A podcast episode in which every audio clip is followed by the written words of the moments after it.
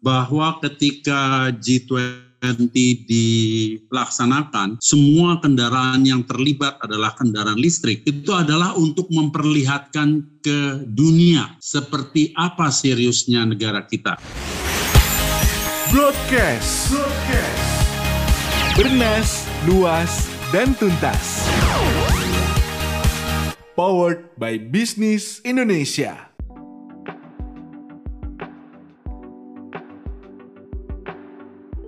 Halo Sobat Bisnis, kita berjumpa lagi di Talks dan di episode kali ini kita akan berbincang tentang perhelatan G20 yang akan berlangsung di bulan November ini. Tapi kita nggak akan fokus uh, membahas tentang apa yang akan dihelat di G20 yang akan digelar di Bali, tapi kita akan membahas tentang hal lain yang cukup menarik perhatian uh, banyak masyarakat, yaitu tentang penggunaan mobil listrik selama perhelatan G20 di Bali. Pemerintah sendiri menyiapkan ratusan kendaraan listrik untuk menyambut uh, delegasi dari negara-negara yang hadir dalam G20, termasuk juga pengamanan yang dilakukan oleh pihak kepolisian juga turut menggunakan mobil listrik. Apa spesialnya mobil listrik dalam helatan G20 ini? Nah, kita akan membahasnya bersama dengan uh, Pak Bebin Juana. Beliau adalah pengamat otomotif. Halo Pak Bebin, apa kabar Pak? Halo, selamat siang. Masih siang kan? Masih siang Pak. Pak, kita ngobrol tentang uh, bicara tentang kendaraan listrik di helatan G20 Pak. Menurut uh, Pak Bebin sendiri, gimana sih Pak pendapat Bapak tentang euforia penggunaan kendaraan listrik dalam gelaran G20 2022 yang Indonesia sebagai presidensinya nih Pak? Saya melihat bahwa ketika G20 dilaksanakan, semua kendaraan yang terlibat adalah kendaraan listrik, itu adalah untuk memperlihatkan ke dunia seperti apa seriusnya negara kita. Karena seperti kita ketahui bahwa ketika G20 nanti di sedang berlangsung, semua mata dunia menuju ke Bali. Ya. Jadi apa yang dilakukan pemerintah adalah upaya untuk menjelaskan kepada dunia bahwa negara kita tidak lagi hanya basa-basi, tidak hanya komen sana komen sini, tetapi juga eh, sudah nyata langkah-langkahnya. Seperti itu. Oke Pak. Nah Kemudian, uh, apakah penggunaan kendaraan listrik dalam helatan G20 ini bisa mendorong masyarakat untuk kemudian juga bertransformasi menggunakan kendaraan listrik, Pak? Karena seperti kita ketahui, pemerintah juga sedang mendorong penggunaan kendaraan listrik ini sendiri mulai dari tahun ini agar ke depannya bisa dibilang uh, percepatan penggunaan kendaraan listrik ini jadi satu program juga bagian dari pemerintah nih, Pak. Kalau karena adanya G20 kemudian mempergunakan semua kendaraan listrik, saya ingin berkomentar bahwa belum tentu Oke. Okay. bisa mendorong minat masyarakat untuk mempergunakan kendaraan listrik. Kenapa tuh Pak? Karena kendaraan yang dipakai G20 itu kendaraan kelas atas Oke. Okay. Walaupun kita juga melihat ada Wuling Air di situ. Ya. Yang sekarang ini sudah mulai ramai dipergunakan. Harganya tidak sampai 300 juta.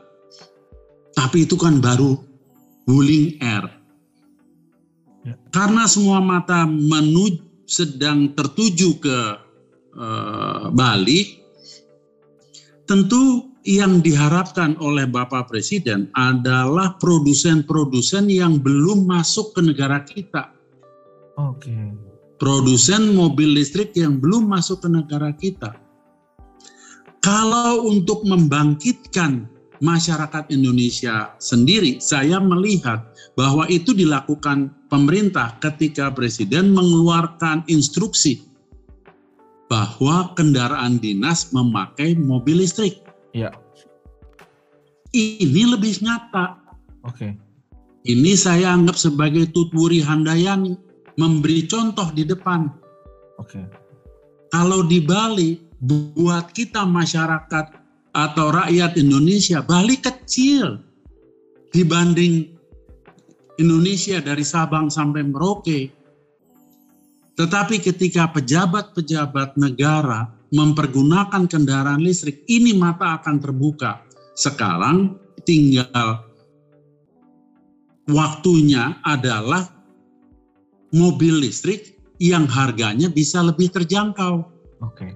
Sekarang ini kan keluhannya kan harganya yang masih di, di segmen medium up. Ya.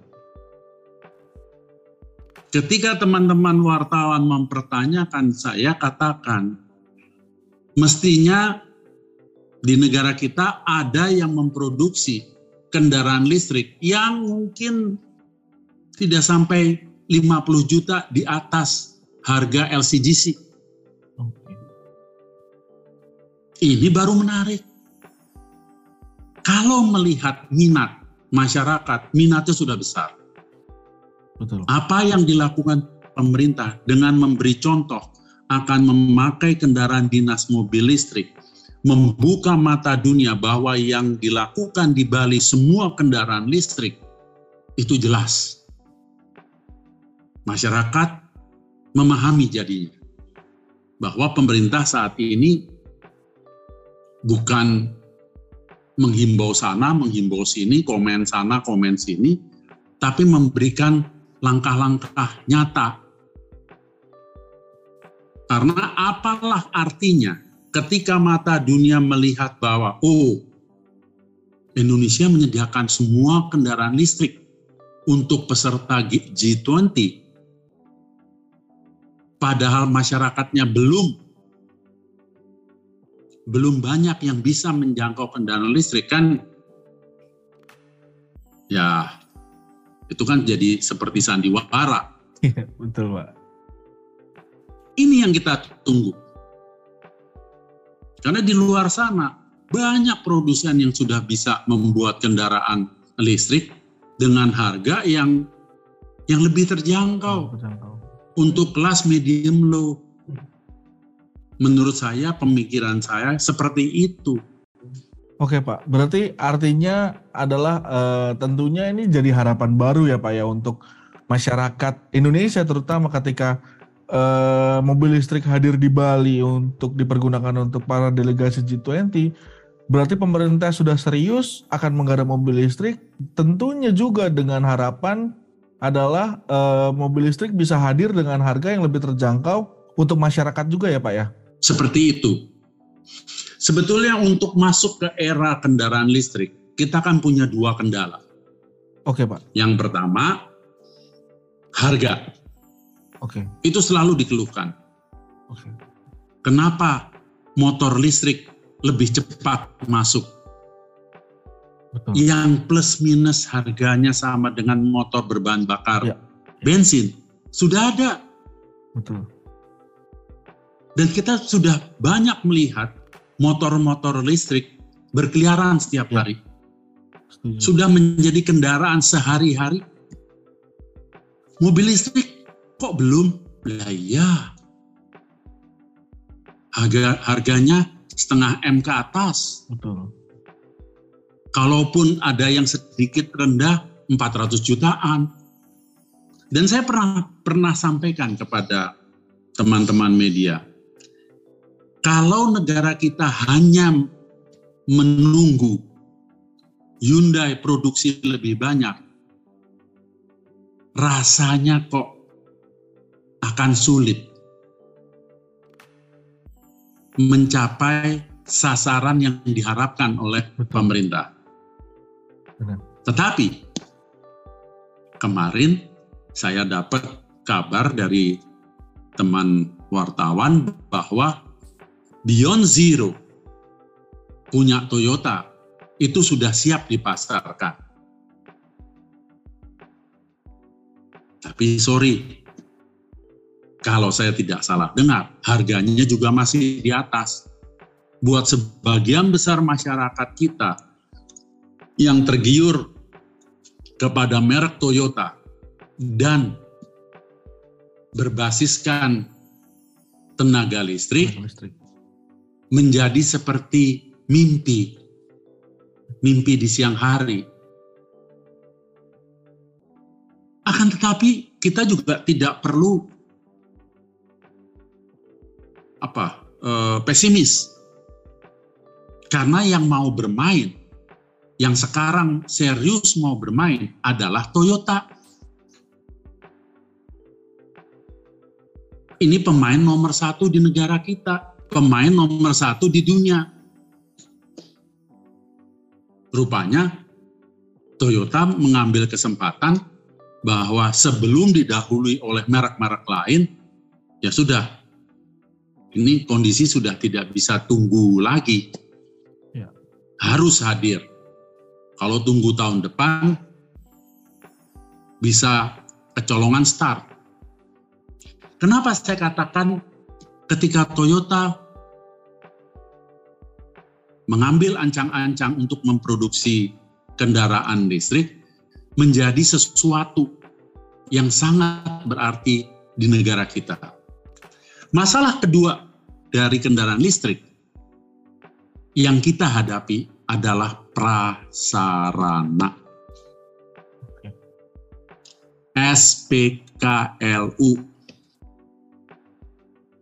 Saya dengar konon tidak sampai 200 unit sekarang yang ada di mungkin lebih karena di Bali mendadak jadi punya iya. banyak yeah. SPKLU, ya kan?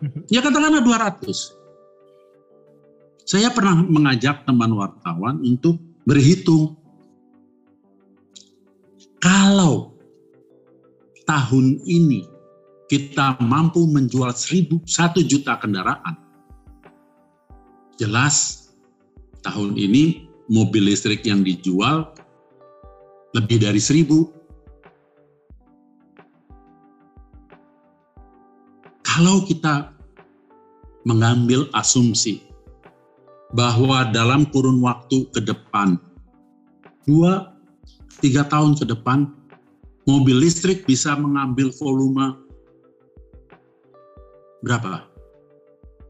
Satu persen?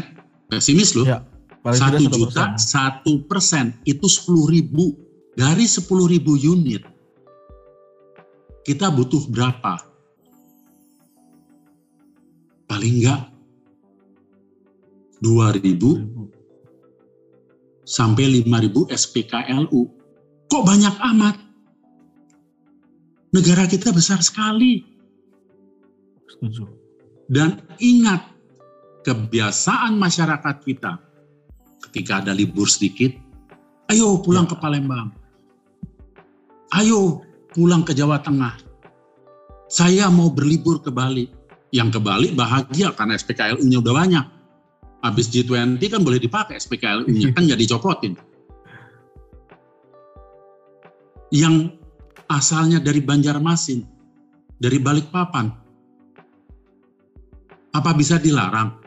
Mas, mas, mobil listriknya jangan dibawa ke Balikpapan.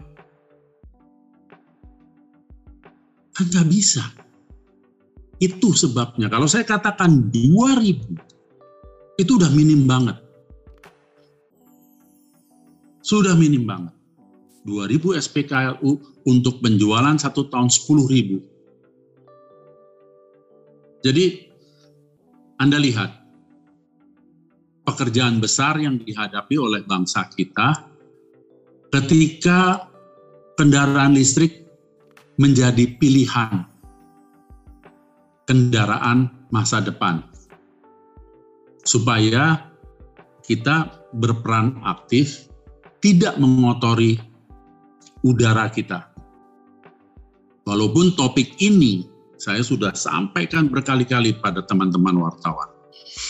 Topik ini tidak menarik di mata konsumen negara kita. Siapa yang peduli? Mau udaranya kotor kek, mau asal kenal potnya sampai bikin kabut kayak enggak pikirnya cuma satu bagaimana pemerintah daerah mengupayakan supaya jalannya lancar kan ya. karena banyak sekali tayangan-tayangan menyebutkan setiap jam ada seribu kendaraan yang terjebak macet, berapa miliar BBM yang terbuang percuma. Jadi seperti itu pandangan saya. Oke, kita bicara soal infrastruktur Pak kan kemudian uh, untuk mendukung G20 di Bali dibangunlah infrastruktur uh, eh, SPKLU seperti yang tadi Bapak bilang dengan jumlah yang tidak sedikit tentunya untuk mendukung. Ya, semua, masif sekali. Buat semua buat Bali ya. itu masif sekali. Ya, untuk untuk Bali itu adalah hal yang masif, Pak. Tapi kemudian apakah ini uh, bisa menjadi acuan pemerintah kemudian melihat ketika pembangunan itu di Bali sudah berjalan, sudah berlangsung, dipersiapkan untuk G20, apakah kemudian pemerintah bisa melihat, oh ternyata seperti ini uh, yang dibutuhkan, kemudian bisa diamplifikasi kemudian juga di pulau-pulau lain, Pak, seperti Jawa, Sumatera, dan pulau-pulau lain juga, Pak? Sebetulnya pemikir-pemikir di pemerintahan itu kan sudah banyak yang paham sekali yang seperti saya berikan contoh angka-angkanya tadi. Oke. Okay. Ya kan? Tapi apa yang terjadi di Bali, Anda mau aplikasikan di Pulau Jawa saja, itu setengah mati mengerjakannya. Apa sebenarnya yang jadi hambatan, Pak? Karena besar sekali. Oke, luas di wilayah Bali, ya? Luas wilayah. Di Bali, Anda bisa pasang 100 SPKLU. Wah, Oke okay, oke. Okay. Kamu dari luar sudah sudah saya mau sewanya mobil listrik. Rasanya sebentar aja ketemu, sebentar ketemu SPKLU. Kalau di Pulau Jawa, Pulau, Jawa, Pulau Jawa ini berapa kali lebih besar daripada Bali? Sumatera berapa kali lebih besar daripada Bali? Dan yang menjadi kendala bagi pemerintah menghitungnya Okay. Karena kan kita kan sama-sama nggak punya pengalaman. Memang betul, setiap ada mobil baru, katakanlah 60-70 persen kendaraan baru akan turun ke aspal di Pulau Jawa. Betul. Jadi seperti tadi saya ungkapkan kalau ada 10 ribu mobil listrik tahun depan berhasil diturunkan ke aspal, 6 ribu itu ada di Pulau Jawa. Okay. Dan mungkin lebih dari 6 ribu, separuh dari 6 ribu itu adanya di DKI. Betul. Nah kita bicara DKI, kita nggak usah bicara Jawa Barat, Jawa Tengah, Jawa Timur. DKI dibagi lima wilayah. Anda butuh berapa SPKLU? Untuk gambaran, seluruh DKI atau jangan bilang DKI lah, Jabodetabek karena kita sudah ya. sudah perluasan wilayah kan dari Jakarta ke Depok aja nggak berasa, toto oh ini udah Jabar ya kan begitu kan, ya. ke Tangerang juga demikian, ke Bekasi juga begitu gitu ya. Kita tinggal bayangkan untuk DKI saja butuh berapa SPKLU.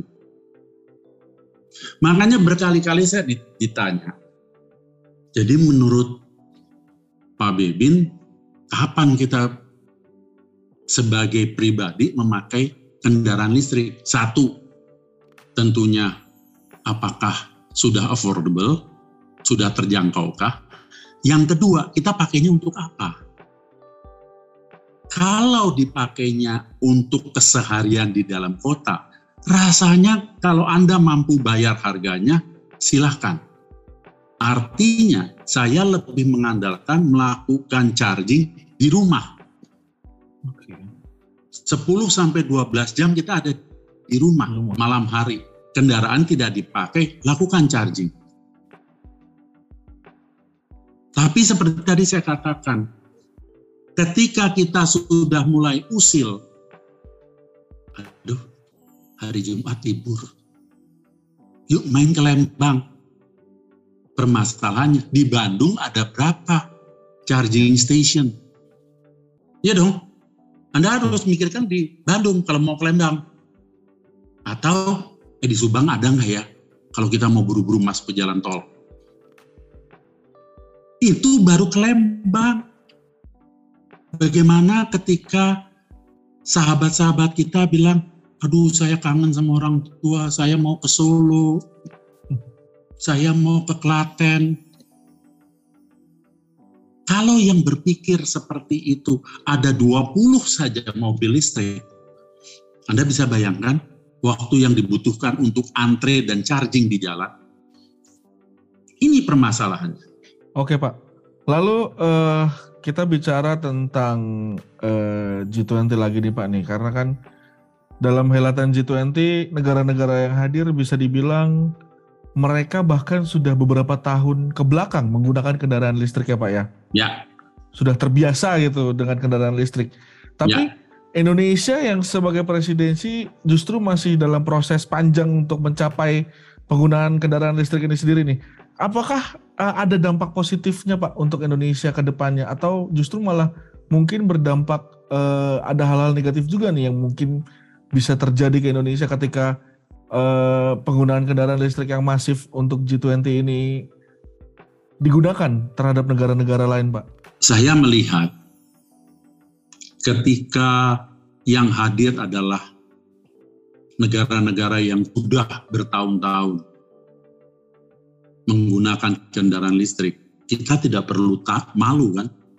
Iya. Untuk bertanya, untuk belajar. Oh, Oke. Okay. Kalkulasinya seperti apa sih?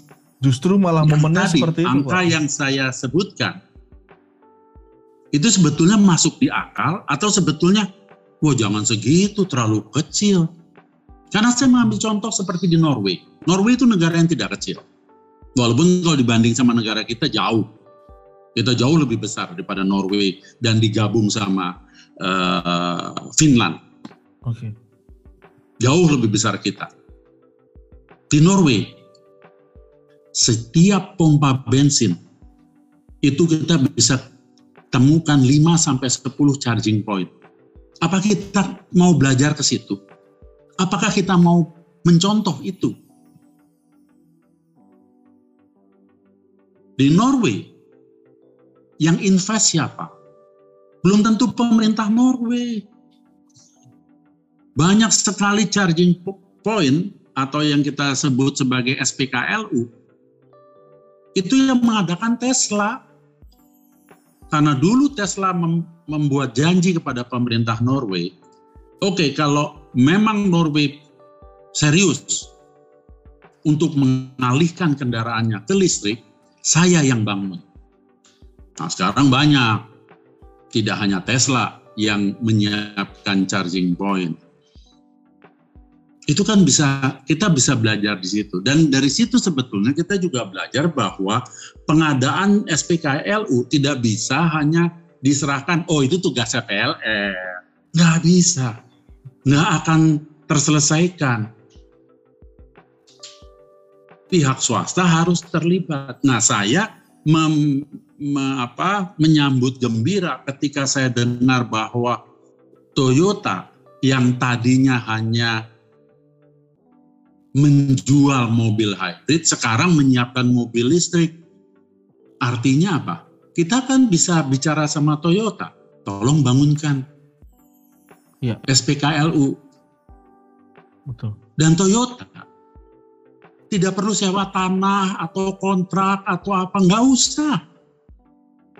Pasang aja SPKLU di jaringannya. Betul. Ada berapa banyak dealer Toyota di seluruh Indonesia? Setiap dealer punya dua SPKLU kan tidak bisa juga kamu misalnya membatasi, oh maaf ya, ini kan pelayanan masyarakat. Maaf ya, mobil Bapak bukan Toyota, jadi nggak boleh nyetrum di sini. Yang nggak seperti itu kan, namanya yeah. juga layanan masyarakat. Tetapi itulah salah satu langkah percepatan. Yeah. Seperti yang dilakukan oleh uh, Tesla. Nah siapa lagi yang kan saya melihat bahwa Hyundai sudah memberi contoh. Ya. Beberapa SPKLU itu Hyundai yang mengadakan. Walaupun masih SPKLU dengan slow charging, bukan fast charging. 50 kW, dua colokan. Kalau nanti sudah bisa 100 kW, dua colokan, wah alangkah indahnya. Itu pasti masyarakat kita akan akan sering mampir di situ. Betul. Karena yang mampu membeli mobil listrik dengan kapabilitas fast charging akan mencari fast charging. Ngapain juga? Iya. Berjam-jam duduk di samping colokan. Emang nganggur apa? Mungkin uh, ini yang terakhir nih Pak nih. Uh, hmm. Apa sih harapan Pak Bebin sendiri terhadap industri kendaraan listrik dalam negeri baik uh, produsen kendaraan listriknya ataupun infrastrukturnya yang mendukung kendaraan listrik itu sendiri, terutama setelah gelaran G20 ini berlangsung nih Pak nih karena bisa dibilang G20 ini jadi salah satu uh, titik baru lagi Pak untuk menggairahkan kembali uh, kendaraan listrik untuk menyemangati kembali target-target pemerintah, mengingatkan kembali pemerintah akan target-target tentang kendaraan listrik ini, Pak? Yang saya harapkan, terus terang, banyak merek-merek baru yang datang ke negara kita yang memang pada dasarnya spesialis di kendaraan listrik. Oke. Okay. Dan bukan hanya sekedar datang, juga membangun pabriknya di sini. Karena keuntungannya dua tahun lagi saya dapat kabar pabrik baterainya sudah beroperasi, sudah berproduksi. Kenapa tidak pabrik mobilnya ada di sini? Kita belum belum berpikir muluk-muluk untuk ekspor, untuk dipakai sendiri kita butuhnya banyak. Anda bisa bayangkan, andaikan ada mobil yang mampu 200 sampai 250 km per charging, sekali ngecas bisa 200 250 km dengan harga 200 juta. Kan saya ambil range harga yang dekat-dekat dengan LCGC. Kalau 200-250 km, buat sehari-hari cukup dong. Cukup, sangat cukup Pak. Sangat cukup. Kalau yang menca apa mata pencariannya sebagai taksi online tentu ceritanya akan lain. Beda lagi ya, betul betul. Nah, yang harganya bisa terjangkau, terus terang itu produsen-produsen dari negara China. Di sana banyak sekali merek dan saya lihat produknya sudah bukan kaleng-kaleng. Betul. Bukan lagi produk abal-abal. Anda lihat kalau punya waktu coba cari eh, video-video uh, di YouTube Chongqing Motor Show, uh, Shanghai Motor Show, uh, apalagi beberapa Hunan ya kemarin saya ketemu. Saya bilang gila nih mobil ini bukan mobil sembarangan ini kualitas finishingnya. Ini baru lewat video, kita mesti perlu dekati. Kalau saja mereka mau membangun pabrik di sini, dan mereka mesti ingat, mereka jagonya memproduksi dalam jumlah banyak. Ya, setuju. Betul. Bukan sebulan jadi 100 unit, ya kapan kelarnya. Jadi saya berpikirnya seperti itu. Bukannya saya uh, apa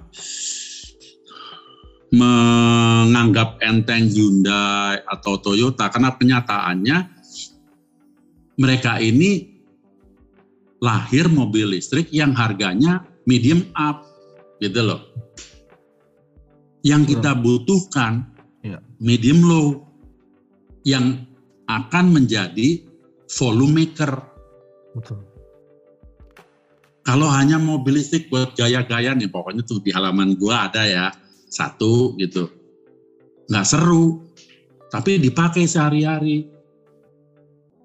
Tidak terlalu mengandalkan SPKLU. Kenapa? Saya memegang janji dari PLN.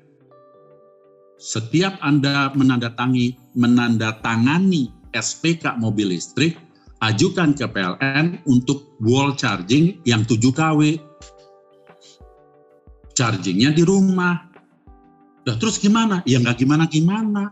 Meterannya pakai pulsa, nggak ganggu listrik di rumah. Okay. Anak bikin PR nggak ganggu, uh, kulkas nggak jadi on off, karena dia berdiri sendiri.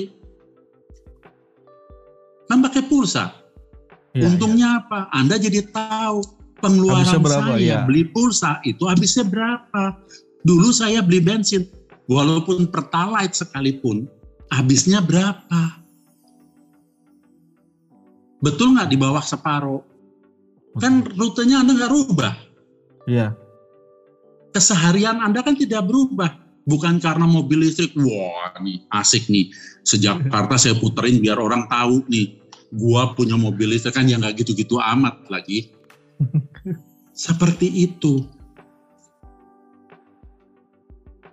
barulah kita akan bisa merasakan bahwa kendaraan listrik terjadi kendaraan listrik menjadi peralihan terhadap kendaraan berbahan bakar fosil. Sambil, jangan lupa, kendaraan umum, public transportation, ganti semua. Ya. Sekarang sudah ramah, saya tahu Transjakarta banyak yang sudah pakai BBG kan? Ya. Tapi kalau semangatnya adalah move on, kan nggak boleh bangga dengan BBG, Betul. Karena saya lihat beberapa bus feeder itu sudah ada gambarnya, tulisannya bus listrik. Next apa? Saya lihat beberapa Bluebird kan sudah sudah mengambil ya. apa eh, langkah. Salah satunya pernah saya naik, saya tanya, Mas ini jalannya udah berapa? 400 ribu. Wah, saya kaget Berarti 400 ribu belum jebol ya mas? Belum, cuma ngecas kadang-kadang ngaco.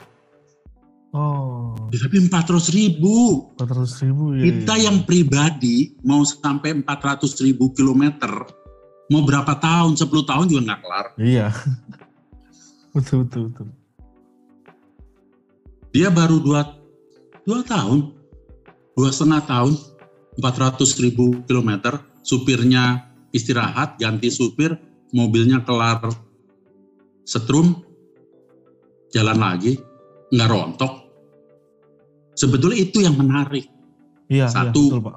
masyarakat punya kesempatan, nggak usah ngerogoh kocek dalam-dalam, ya. beli mobilnya maksudnya, ya. tapi merasakan, oh kayak begini. Experience-nya.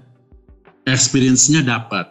Betul. Dua, si merek yang bersangkutan di kondisi negara Republik Indonesia, mobil saya akan hancur di kilometer berapa ribu. Ya. Win-win story kan? Ya, setuju Pak. Itulah menariknya membahas topik ini. Oke Pak Bebin, terima kasih banyak untuk ngobrol-ngobrolnya Pak. Terima kasih untuk uh, pembahasan tentang mobil listrik di G20 ini banyak hal yang bisa sobat bisnis dapetin juga, banyak hal menarik juga yang uh, dari sudut pandang Pak Bebin yang bisa dibilang uh, jadi insight baru ya Pak ya. Semoga bisa yeah. jadi insight baru untuk sobat bisnis juga. Terima kasih sekali lagi Pak Bebin untuk ngobrol-ngobrolnya. Terima kasih juga untuk sobat bisnis yang sudah menyaksikan dan juga menyimak obrolan kita di episode kali ini. Sampai jumpa di episode berikutnya.